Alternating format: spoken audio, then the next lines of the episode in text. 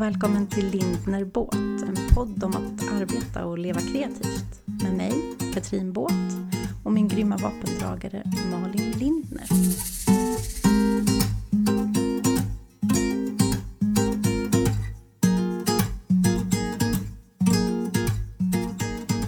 Så, nu är vi igång. Nu kör vi. Jaha. Nu är vi igång. Prestationen är helt bortblåst. Det är bara full, full njutning och fullt mys, eller hur? Alltid när vi poddar. Ja. Det är aldrig någon prestationsångest. Här inte. Jag ska säga att jag hade lite i början.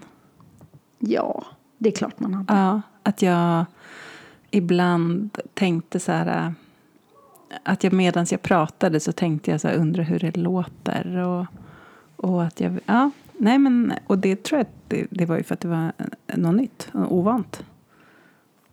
Ja, men nu när vi då har bestämt under en veckas tid att vi ska prata om prestationsångest så har jag ju gått och funderat på detta.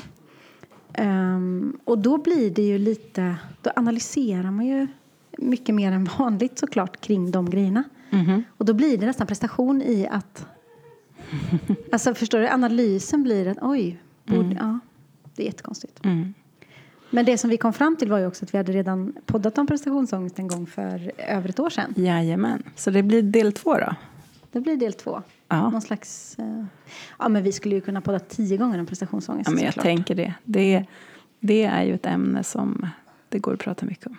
Jag vill bara varna känsliga lyssnare för att det kan eh, komma ljud från andra människor i bakgrunden idag. Ja, Mm. det är... Jag trodde du skulle varna känsliga, känsliga lyssnare allmänt för prestationsångest. Och det är typ Nej.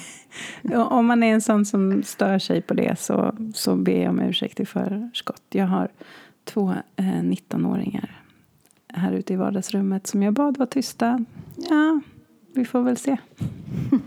Det är också Det är eh, olika förväntningar på vad man menar med tyst.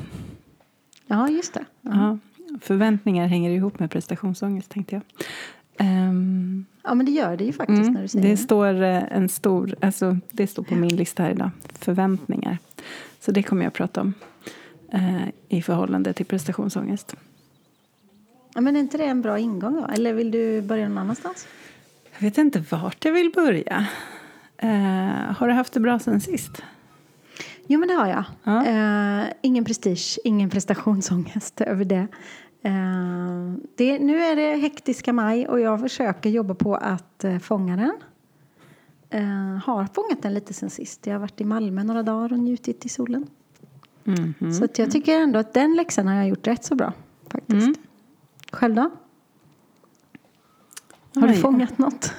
Ja, men det tycker jag. Jag tycker det är så himla bra att ha hund. För Ja. det gör att jag är ute och går fyra gånger per dag.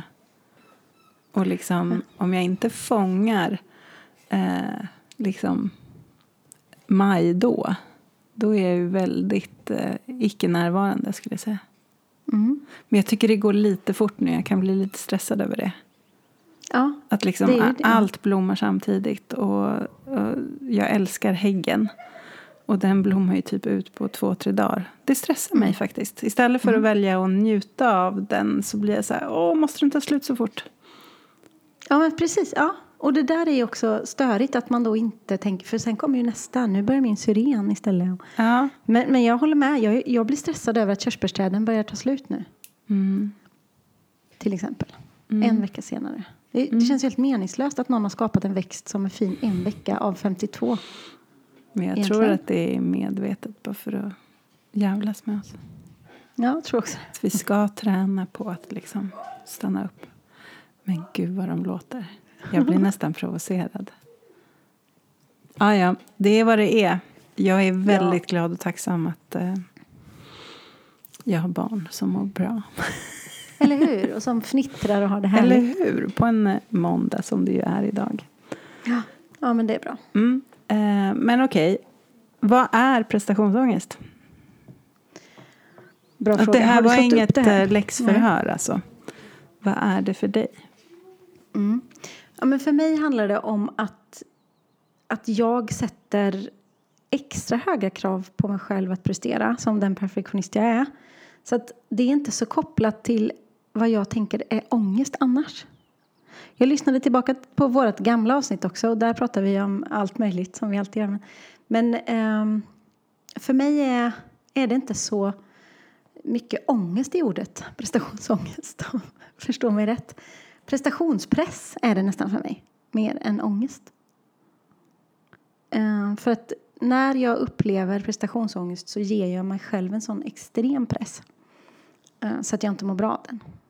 För att till viss del så mår jag bra när jag pressar mig själv och liksom ger mig själv höga krav för då presterar jag bättre. Men när jag ger mig själv för hög press så blir det prestationsångest för mig. Mm. Men skulle du säga att du, att du har perioder då du har problem med prestationsångest? Eller är det liksom bara att ibland ställer du högre krav på dig själv och det är fine? Ja, men jag upplever nog att jag har lärt mig att leva med det och vet att okej, okay, nu, nu är du här igen. Nu, nu känner jag den känslan. Skärp till dig. Alltså för det ligger, det, jag har analyserat den här veckan nu liksom att det är ingen annan som ger mig prestationsångest. Det är ofta jag själv. Mm. Utifrån förväntningar och så vidare. Mm. Um, cool. Kan du ge det exempel är mer faktiskt. på när det händer? Um, ja, men ja, till exempel så ska jag uh, jag tror jag sa det innan att jag ska hålla föredrag eller en hel workshop på min gamla skola. Uh, och det kan ge mig prestationsångest för att de ska ju då på något sätt ska jag ju veta 20 år mer än dem eftersom att det är ännu mer, eh, 25 år mer än dem för att det var 25 år sedan jag gick där, typ så.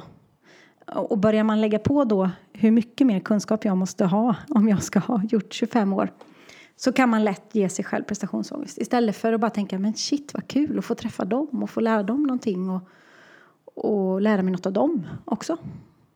Så det är typ en sån grej när jag börjar liksom sätta väldigt höga krav på mig själv.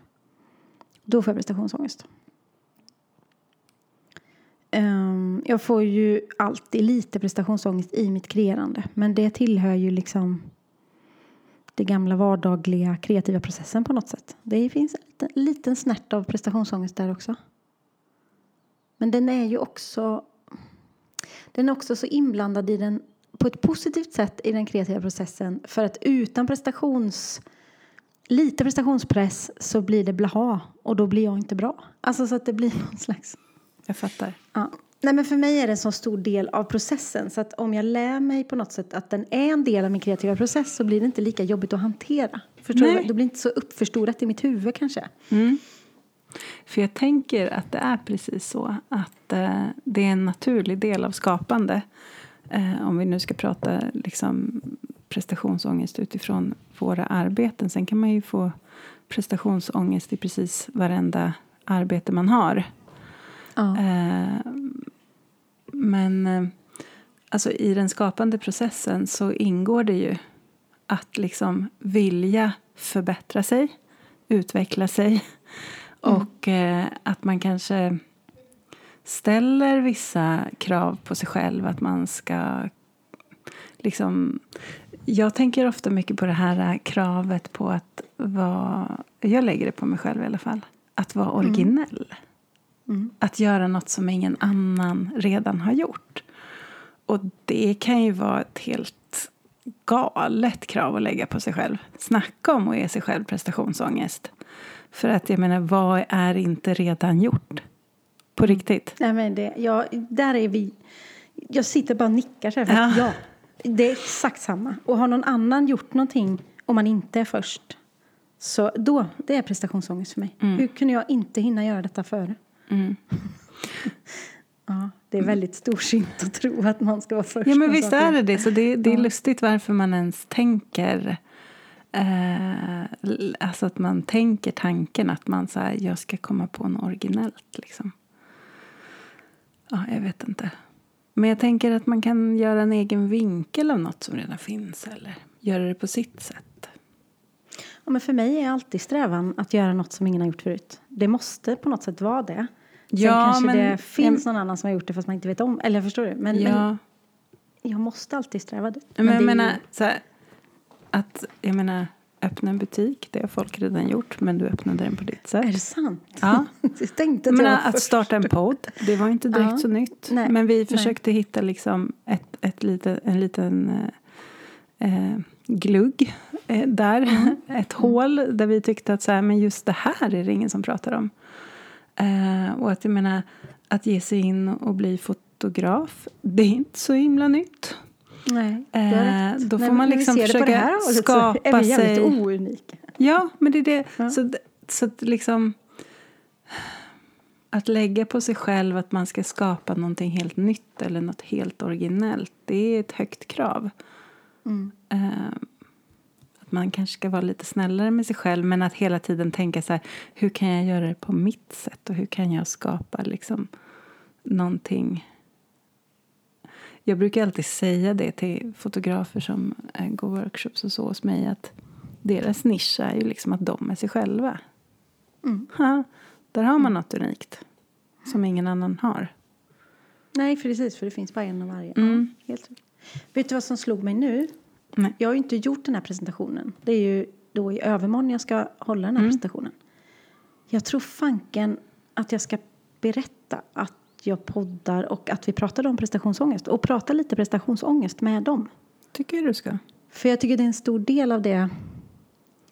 Ah, bra idé, kände jag nu. Säkert helt unikt. Helt unik i det tror jag. Nej men istället för att liksom, jag tänker så här, vad kan jag tillföra till de som är 25 år? Mm. Så, alltså som, som, är, som är 25 eller som är 19 eller vad de nu är. Och ska ut i det som jag har gjort i 25 år. Ja men det är faktiskt en, en, av, en bra slide. Snacka prestationsångest. Mm. Det ska jag göra.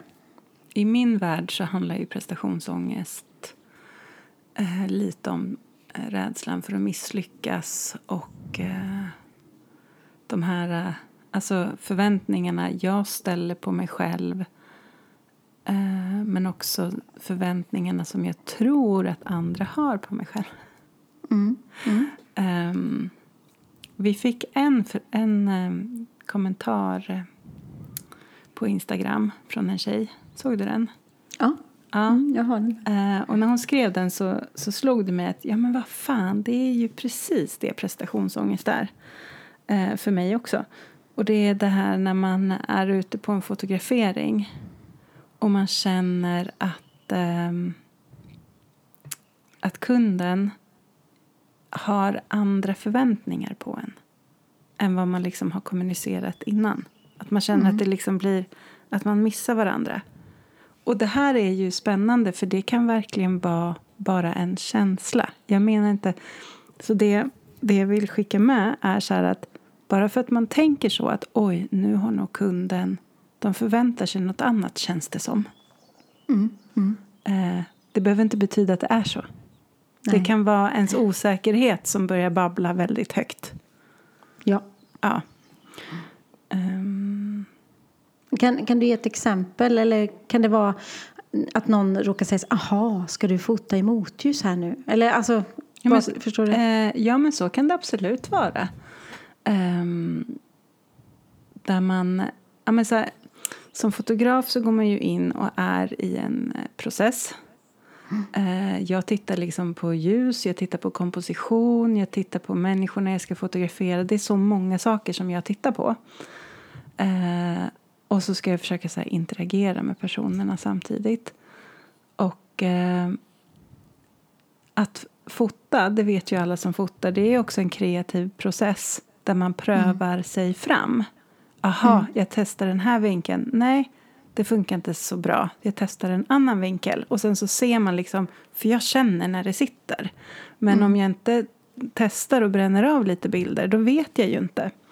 Och att där i få liksom någon kommentar från kunden att det där tror inte jag blir bra eller så där, alltså, Ja. ja, då, då blir man ju så här väldigt osäker kan man bli. Mm. Mm. Eh, särskilt när man liksom var ny. Och det beror också på vad man har för relation med kunden och vad man, alltså hur man är van att prata med dem. Därför lägger jag extremt mycket tid på att liksom bygga relation med kunden. Jobba upp deras förtroende och så förklara också hur jag jobbar. Jag kommer gå runt och testa lite olika vinklar nu och känna in och sådär och så. Men, men eh, när jag känner att vi har något då kommer jag föreslå det och liksom så här, så får ni vara med och så. Mm. Ehm, Ja. Ja, men, och det, det där är ju också jätteintressant för det leder ju in på ett annat spår och det är brief och kommunikation. Därför att Ja. kunden måste förstås ha gjort en bra brief till dig så att du vet vad de förväntar sig och du har förklarat vad du kan åstadkomma. Alltså, Då kommer man ju inte i de här situationerna. Nej. För om de har gett dig en brief på vad du, då måste de ju också lita på att du levererar det du har sagt att du ska leverera. Men Jajamän. det är alldeles för få som förstår grejen med en brief. Ja. Mm. och då om man adderar att många som kanske lyssnar nu är fotografer som jobbar med privatpersoner. Familjer och brudpar. Där lägger man liksom ingen brief. Nej. Och det är så himla himla viktigt att eh, fråga om deras förväntningar kring dagen. Mm. Vad förväntar ni? Vilka bi- bilder är viktiga för er? Vad förväntar ni er av mig? Så här jobbar jag. Och liksom verkligen försöka förklara så mycket som möjligt. För att i alla fall hälften är stressade den där dagen. Mm. Och det, om man bara utgår från sig själv så kan man bli rätt oskön när man är stressad. Ja. Vilket gör att man kan bli lite kort. Och då kan det vara så här att... Och det där tycker jag man alltid måste ta med i beaktande. Att man kan ha pratat om så här att... Ja, men om det småregnar lite den där dagen. Ja, men vi kommer köra ut ändå. Och sen kommer dagen och det småregnar lite. Och då kan de ha ändrat sig bara. Nej men alltså jag kan inte gå ut, det, jag kommer bli, det kommer inte funka. Och att då liksom vara inkännande och respektera det och bara okej då ändrar vi planen. Alltså att inte vara så här men vi sa ju. och att då känna sig trygg i och veta så att men det här kommer jag fixa ändå. Det kommer bli bra. Eh, annars kan man ju få extrema prestationsångestkänslor. Ehm, och jag känner så här, varje gång jag åker på ett jobb så har jag lite, lite prestationsångest. För inget jobb är det andra likt. Nej. Men jag vilar mig alltid på att min ryggsäck är full av erfarenheter. Och att jag har lärt mig att vara flexibel, inkännande, um, snabbtänkt, komma på nya idéer. Ehm, så det, det löser sig ju alltid. Även om liksom nya förutsättningar kastas i ansiktet på mig. Ja, ja men, och det, jag, jag tycker samma. Finns det heller, om det inte finns en liten, liten dos av prestationsångest eller Ja. prestationspress då är jag på fel plats. Om jag bara tar det med en klackspark så engagerar jag mig inte tillräckligt och då ska jag inte göra jobbet. Om jag ska Nej. vara krass. Faktiskt. Då har inte jag gjort mina förberedelser ordentligt Mm. heller. Men eh, jag ser ju lite som prestationsångest som en typ av stress. Mm. Och då kan man ju fråga sig så här, men hur, hur hanterar jag stress då? För när det... Säg att jag är på location och jobbar eh, och jag känner så här att "Uff, det här känns inte bra. För ibland kan man ju få så pass mycket prestationsångest att man låser sig. Att det liksom bara, det funkar inte. Mm. Eller att man, ja, ja, men man låser sitt sätt att tänka. Då kan det faktiskt hända att jag så bara andas lite. Kanske försöker lägga in en, eh, bara en kisspaus. 30 sekunder. Ex- exakt. Och Man bara- kan gå in på toan och bara ta djupa andetag. Ja, Och bara slå sig själv i ansiktet Nej, lite. men och bara försöka och ändra nu. fokus och bara Mm. okej. Och liksom, jag brukar peppa, alltså så här, du har koll på läget. Du Mm. vet vad du gör. Lita på det. Gå, Mm. gå inte ut där och tro att du inte vet vad du håller på med, för du vet vad du håller på med. Så. Men det kan ju vara jättesvårt att, att säga till sig själv när man har människor i ansiktet. Liksom. Så då, gå på toaletten är jättebra.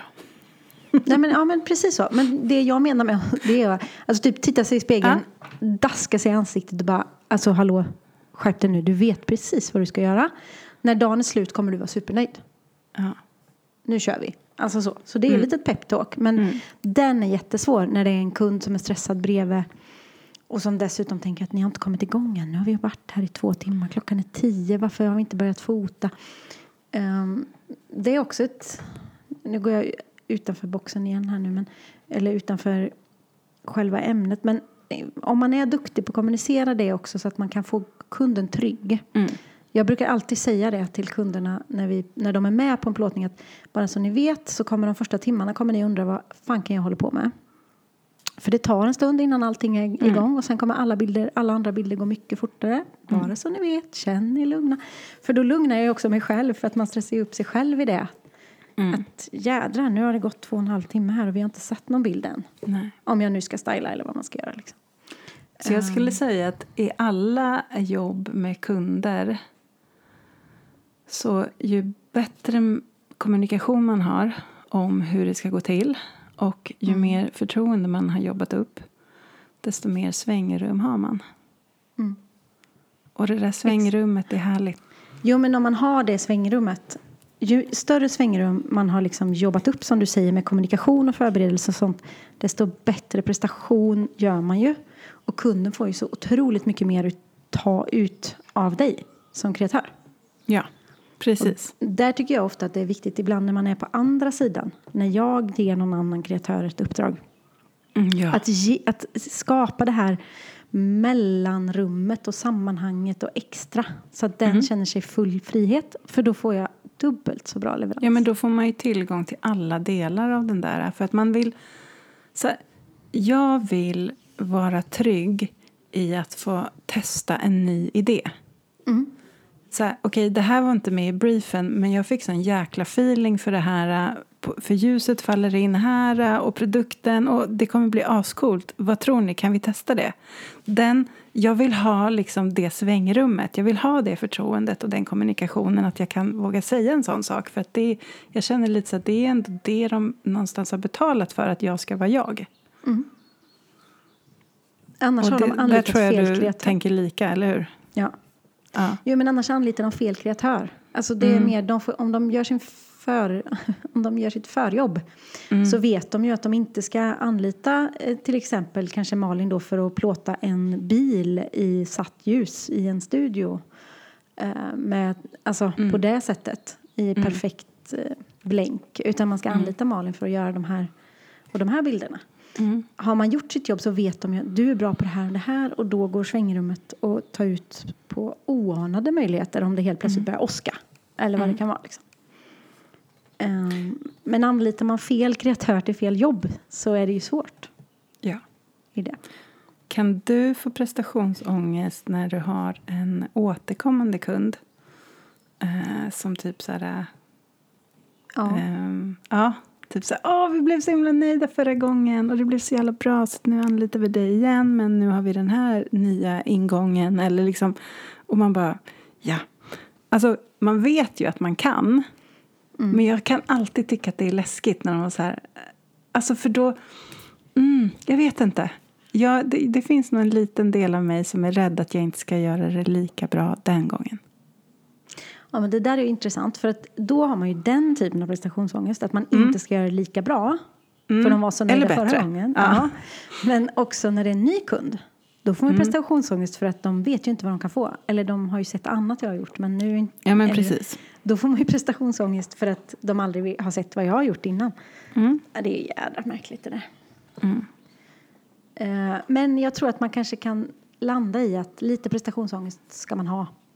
Men man, kan, man får lära sig med sin erfarenhet att jobba med den. Mm.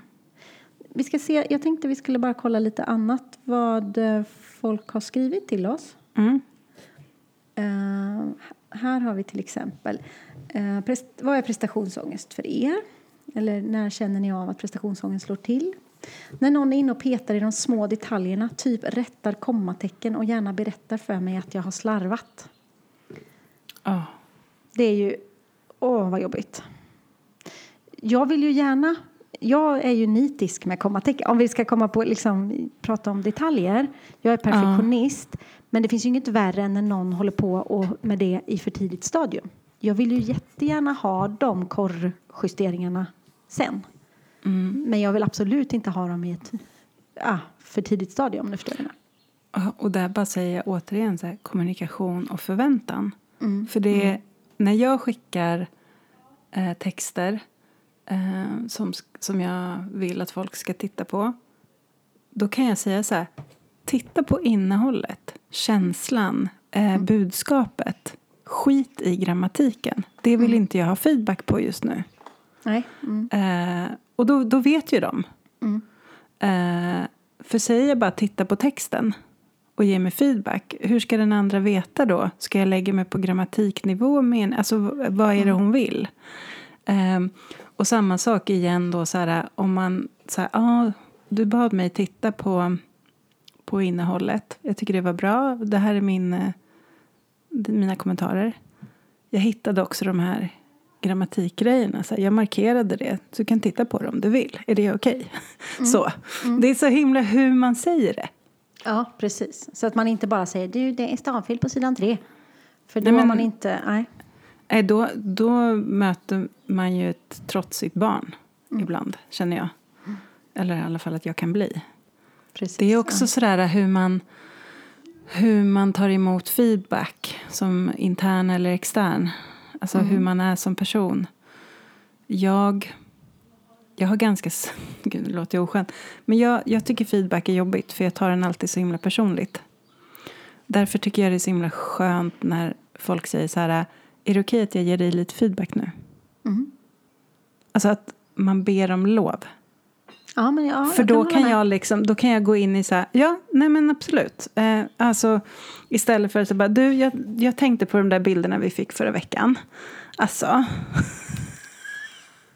Ja. Sådär helt så här från ingenstans. Då blir jag, ja. Där kommer prestationsångesten och bara smackar innan man har hört resten. Ja, ja. Jag kan ju bli helt kall i magen liksom. Och bara, Mm. Eh, ja. Men där är också jätteolika. För det kan ju vara att jag skickar ett korr till en kund på 240 sidor. Mm. Eh, och sen så svarar de, åh, jag har... Alltså svarar man fel då så kan man ju säga, eh, vi måste kolla på de här, vi måste kolla på korrektur, kan vi höras eller något sånt där. Då tänker man ju, oh my god, de gillar inte någonting i hela boken. Nej. Alltså då slår ju prestationsångesten till. Och sen så visar det sig att ah, jag har hittat ett kommatecken på sidan 8 och ett stavfel på sidan 22. Mm. Jaha, var det, ja vad bra, då är vi klara. Alltså, Det är ju helt hur man säger det också. Verkligen. Ehm, på vilken nivå man lägger. Men det är också väldigt onödigt att ge någon prestationsångest på ett korrektur. Det handlar ju bara om hur man säger det. Mm. Men jag förstår verkligen känslan av det. Mm. Att man får någon annan att känna sig slarvig eller eh, ja, o, ofärdig. Jag kan ju uppleva, med vissa kunder kan man ju till och med säga det här är bara ett första utkast. Eh, texten är rosa. Jag brukar göra text som inte är klar, brukar jag göra magentafärgad för det vet jag att den aldrig kommer gå i tryck då. Ja. Och så får man tillbaka, texten är ju rosa, ska den vara det? Man bara, mm, Mm. nej, Ja. det ska den inte vara. Mm. Jag har alltså fått, det är en gammal härlig grej. Jag har fått okej på korrektur som innehåller dammig text. Där kunden inte har förstått att det är blajtext, hittepåtext. Alltså det är inte ens den riktiga meningen. Jag har fått godkänt på det. Flera gånger har det hänt faktiskt. Då har man inte gjort sin läxa. Eh, vi har en annan kommentar här. Ja. När jag jobbar med människor som får mig att känna mig illa till mods, som inte litar på mig. Mm. Ja, verkligen. Kommunikation. Mm. Ja. Men återigen där, det kan, om jag nu ska ta brudpar som exempel. Mm. För man kan ha haft möten innan när de är avslappnade och chill. och sen Ja. är dagen det. Eh, och då är de inte riktigt, särskilt innan vigseln. Då, är de, då, då kan de vara liksom lite mer osköna än vad de var på mötena. Och då kan man få känslan av att de helt plötsligt inte litar på en. För de liksom, det är som att de har någon lista bak i huvudet och så vill de dubbel och trippelkolla att man har koll på allting. Eh, Och det är, det är lätt att, att glömma bort och vara ödmjuk då. För det man behöver göra, eller som jag känner att man behöver göra, det är liksom bara att bara alltså överösa dem med liksom så här lugn och trygghet. Medan man inombords bara, men för i helvete. Alltså, och så blir man liksom lite osäker och så bara, men jag tyckte att vi hade en bra connection här och vad fan händer? Och litar de inte på mig helt plötsligt? Och det kan också påverka kreativiteten. För att så här, börjar de ifrågasätta en grej då kan man bli så här, oj men då kanske jag ska skita i nästa grej som jag hade tänkt. Eller, och där att våga stå kvar i vem man är och att fortsätta vara trygg. Och inte då kastas in i prestationsångesten och låsa sig. Svårt. Väldigt svårt. Och jag kan ju se, eh, jag kan se mig själv i den här bridezillan ibland. Inte när jag ska gifta mig, för det var länge sedan. Men om jag tänker på Linda då, som är anställd hos mig. Mm. Jag är superperfektionist. eh, Mm. Och hon är också perfektionist. Eh, Jag, när jag kommer i stressade situationer, om vi ska ha event eller något är bråttom. Då blir jag en sån som dubbel och trippel kontrollerar. Så att vi inte har glömt något. Och det är ju ganska oskönt när någon har sagt att man har det under kontroll. Och jag vet. Det är liksom bara, jag bara förlåt, åh nu gjorde jag det igen, förlåt. Jävligt oskönt. Men eh, svårt. När man är van att man ska göra allting själv och sen helt plötsligt har man hjälp. Jag tänker nu när ni är i en relation då ni faktiskt jobbar ihop. mm. Nu har hon säkert lärt sig hur det funkar. Men eh, det är liksom inte en dum idé att berätta så här. Så här funkar jag när jag hamnar lite under press. Jag vet att du har koll, men jag kommer vilja trippelkolla allting. Och det handlar bara om mig. Det handlar inte om att jag inte litar på dig. Nej, exakt. Ha! Och sen helt plötsligt så bara känner hon kärlek till dig då istället för att känna sig värdelös när du trippelkollar. Exakt. Ja, men, och där, vi har så himla fin kommunikation i det Mm. också så det tror jag att hon känner också. Och jag, jag säger också förlåt, nu, jag är sån här nu. Nu kommer jag gå in i, i den här delen, bara så du vet. men sån är jag ju med Robert också. Robert vet ju också, okej nu har hon resfeber. Nu Mm. är hon asjobbig och frågar om vi har med passen fyra gånger och sådär liksom. Mm. Eh, och man går in i de där, jag är skitjobbig när jag ska resa någonstans. För att jag har resfeber. Även om jag bara ska köra till Borås. Nej, men, eh, och då, det är klart man, man lär sig också av erfarenhet då hur man, hur man ska hantera mig i det. Jag kan nog bli också sån som... Det här är så himla spännande. Men om jag är då med en sån som dig som blir lite stressad Mm. eh, vilket jag vanligtvis kanske också blir men då kan jag bli anti det. Mm. Ja men du har ju sett jag- mig i de här faserna. du vet men ju. då, ja. ja. och vad händer då? Blir jag stressad? Nej, Eller blir du jag, blir ju blir som jag en- skit så här? Varm Nej. mor blir du. Ja, för då går jag in i det istället att jag ska vara någon jävla motpol till det där. Mm. Det är spännande.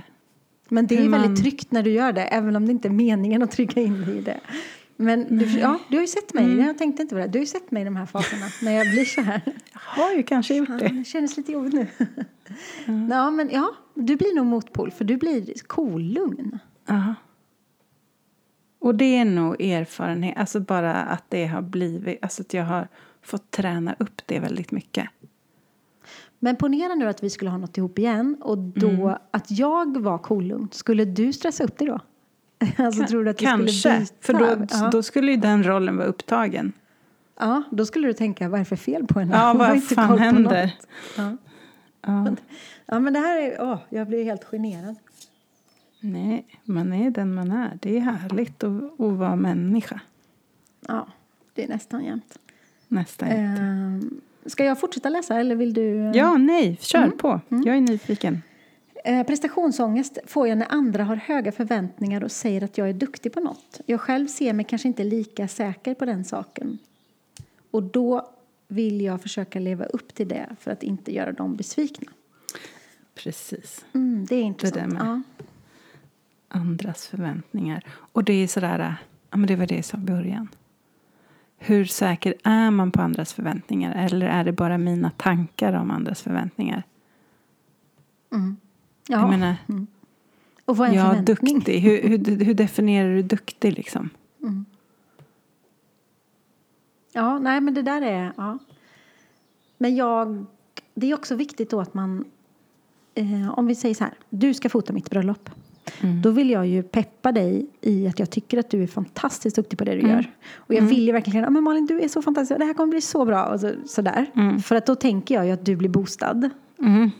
Mm. Och det säger jag ju inte för att, du, för att du ska prestera mer. Utan jag säger det för att Nej. boosta dig för att du förmodligen blir en bättre kreatör då. Mm. Men det är klart att om du då eh, ser på det så som den här eh, Mm. personen har skrivit då kanske det blir negativt. Mm. Det, jag har inte tänkt på det så. Mm. Men det är jättesvårt att inte credda någon man tycker är bra. Jag vet, men det, det återigen vad man liksom går igång på för pepp. Mm. Jag tänkte på det när jag för några år sedan gjorde eh, så här idrottsgrej. Eh, triathlon. Så gjorde jag det ett par gånger. Och under första gången så var min familj där. Och så sista biten så springer man. Och löpa är mitt eh, sämsta. Mm. Av, av de tre grenarna man gör. Och de stod där och liksom bara kämpa, kämpa, kämpa. Och jag blev inte pepp av det. Nej. Jag blev bara så nedslagen. För jag, det jag hörde var du ser så jävla trött ut, kom igen för i helvete. Så jag sa det till dem efteråt, till året efter. Ja. Jag bara, ni kan inte rop, ropa kämpa. Nej. För att Nej. min hjärna tolkar inte det som pepp, den tolkar det som, som kritik. Ja, ja, så jag- året efter så bara, du ser så stark ut, fan vad du är grym. Då fick jag ju jättemycket energi. Ja, det, Så att det är liksom, jag att man går igång på olika saker. De trodde verkligen bara att de peppade mig när de skrek kämpa. Och jag bara, okej, de tycker jag är dålig. Ja, jag, jag skulle nog vara precis, det hade varit samma för mig. Men som du säger, du ser så stark ut. Kör på. Alltså, ja. Mm. Eh, det där, ja, jätteintressant. Mm. Ska man säga det till kunder? så här vill jag att ni ger, eh, att ni peppar mig. Säg inte att jag är duktig. Nej, men, nej, men det är, jätte, det är jätteskillnad. För att, ja, jag tror allmänt att vi kreatörer är väldigt känsliga för hur saker och ting sägs. Verkligen. Ehm, utan att förklara för mycket nu och gå in i detaljer så har jag fått mejl i veckan som blir känsligt för att jag läser... Eh, det var en förfrågan och eh, jag svarade och ställde fler frågor och fick tillbaka ett ganska så här... Ja, vad ska jag säga? Kort och tack och hej.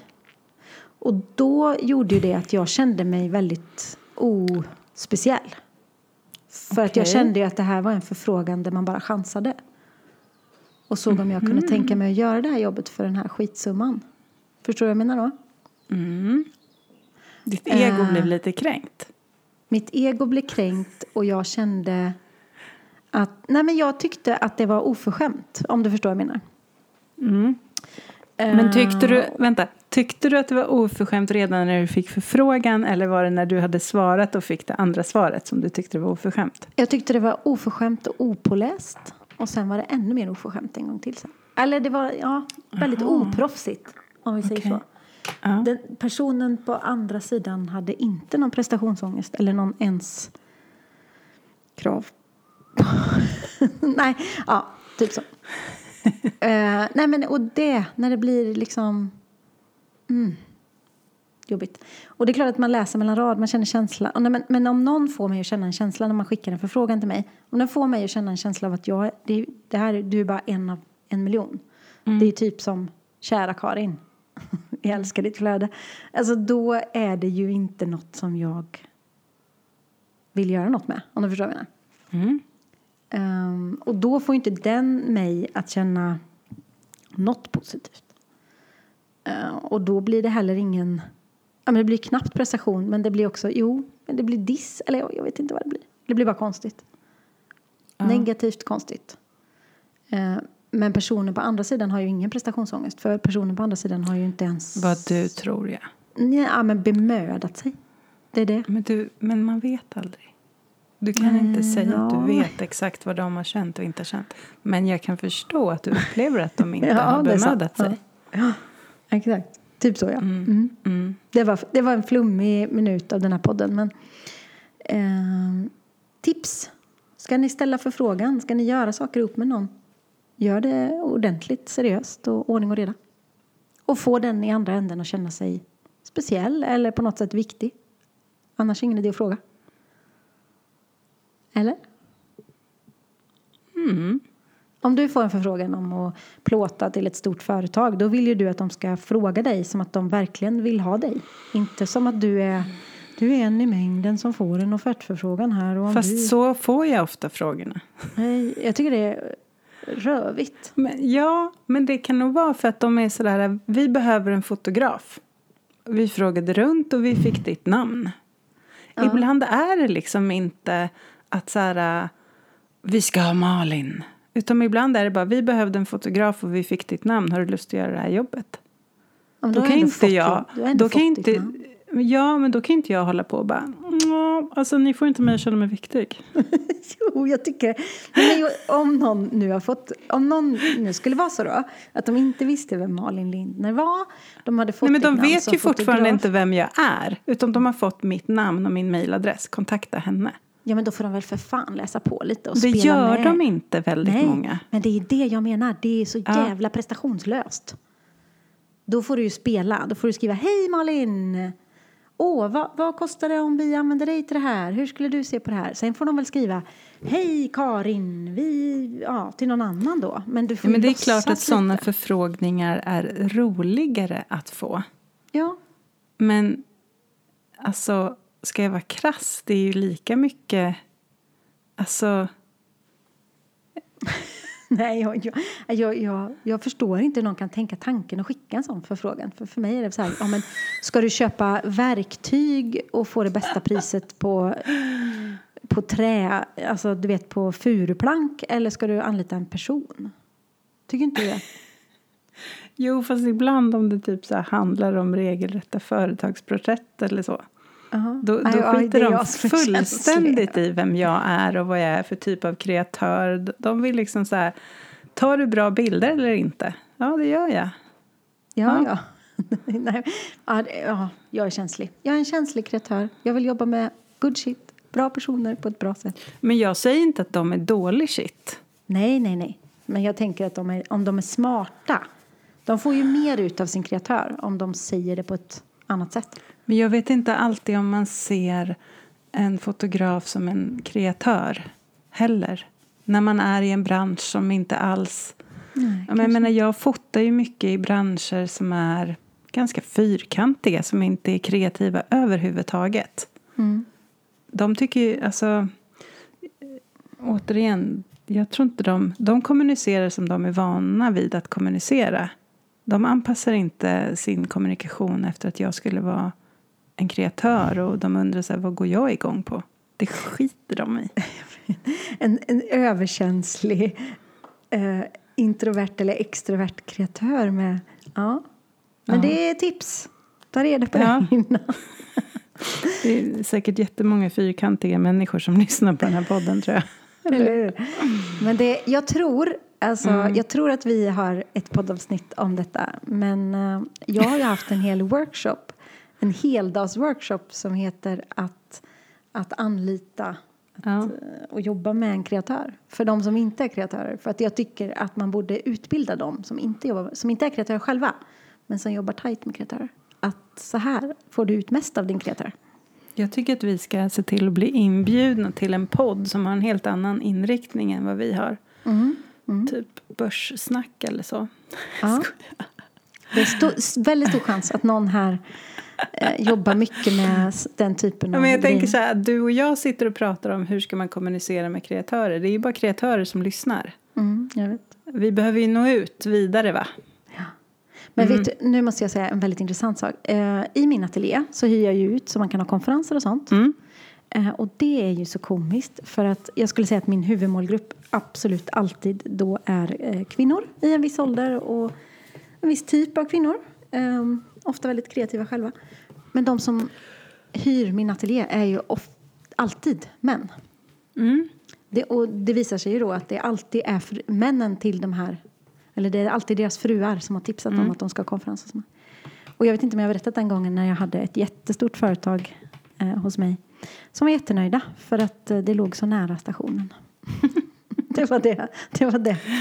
Det var Du, så det är nära precis stationen. det jag Ja, vill att ni ska komma ihåg från min ateljé. Att det låg nära stationen. Exakt. Men, Ja, det är det också så vad man tycker är viktigt. Det är Ja, så spännande. vet. Men då kan man välja då att ta det som något negativt eller något positivt. Ja. Ja. Jag blev, nog kanske, ja, men jag blev nog mest chockad över att det är intressant. Du bara, men har ni tittat er omkring hur fint det är här? Ja, typ, nej. Ja, ja Åh, det, var, roligt. det var det. Ehm, Hade vi fått någon mer kommentar? vi ska se här vad vi har fått mer. Ehm.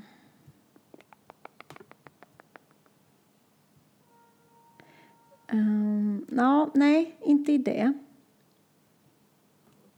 Vi, vi har också fått en fråga. Det, det har inte med prestationsångest att göra, men vi har också fått en fråga hur det går med vår Facebookgrupp, Malin. Ja, den... eh, Det är lite prestationsångest över den. Nej, men det, vi kan säga så här, det blir ingen Facebookgrupp på ett tag till, för vi hinner inte. Det var ju en så jädra bra idé. Ja, man ska ha idéer. Sen, mm. För den kan ju få ett eget liv och, och ni kan fråga varandra och sånt, men nej, sorry. Eh, så fort vi hittar en sponsor som vill ta tag i den eh, Facebookgruppen så ska det, kommer det bli en, Absolut, då kör vi. Eh, men det, är- det är en sjukt bra idé, men den, inte, den kommer inte leva på ett tag till. Vi hinner Nej. inte. Så är det. Så är det. Ska Hur man ska hålla vi- utkik efter eh, någon kick-off i höst eller något? Ja, det ska man. Mm. Eh, det kommer. Du ska bara ha en workshop först.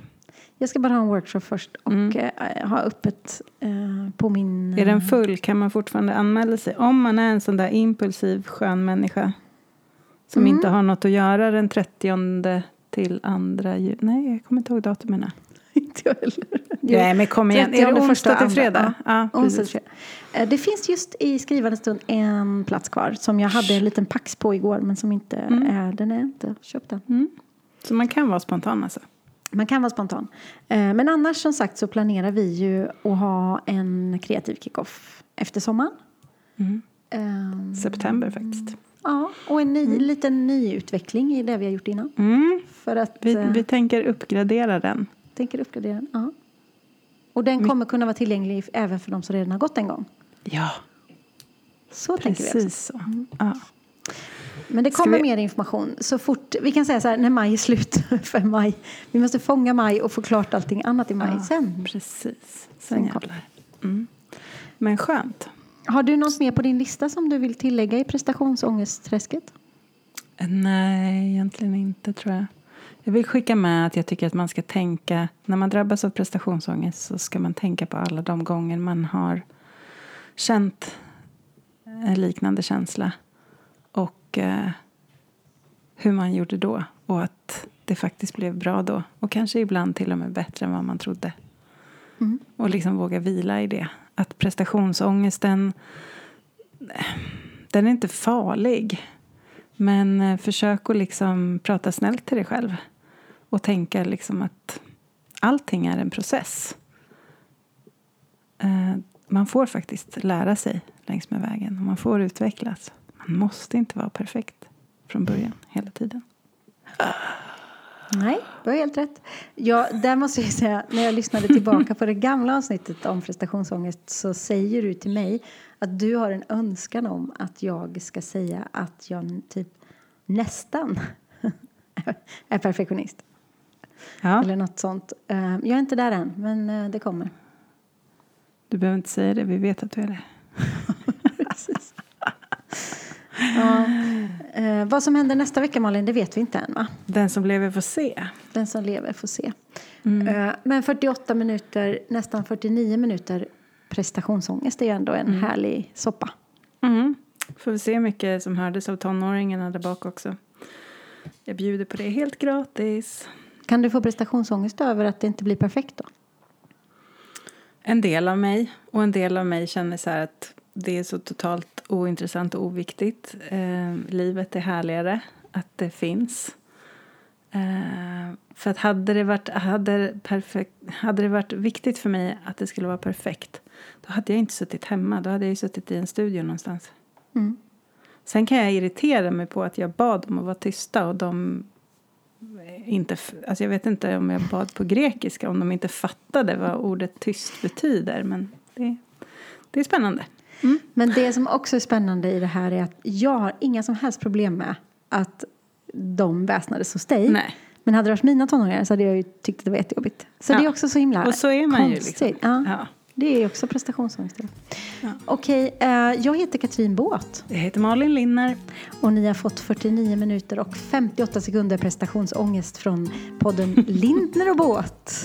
Vi ses om en vecka. Det gör vi. Ha det bra. Kram. Hej. Hej då!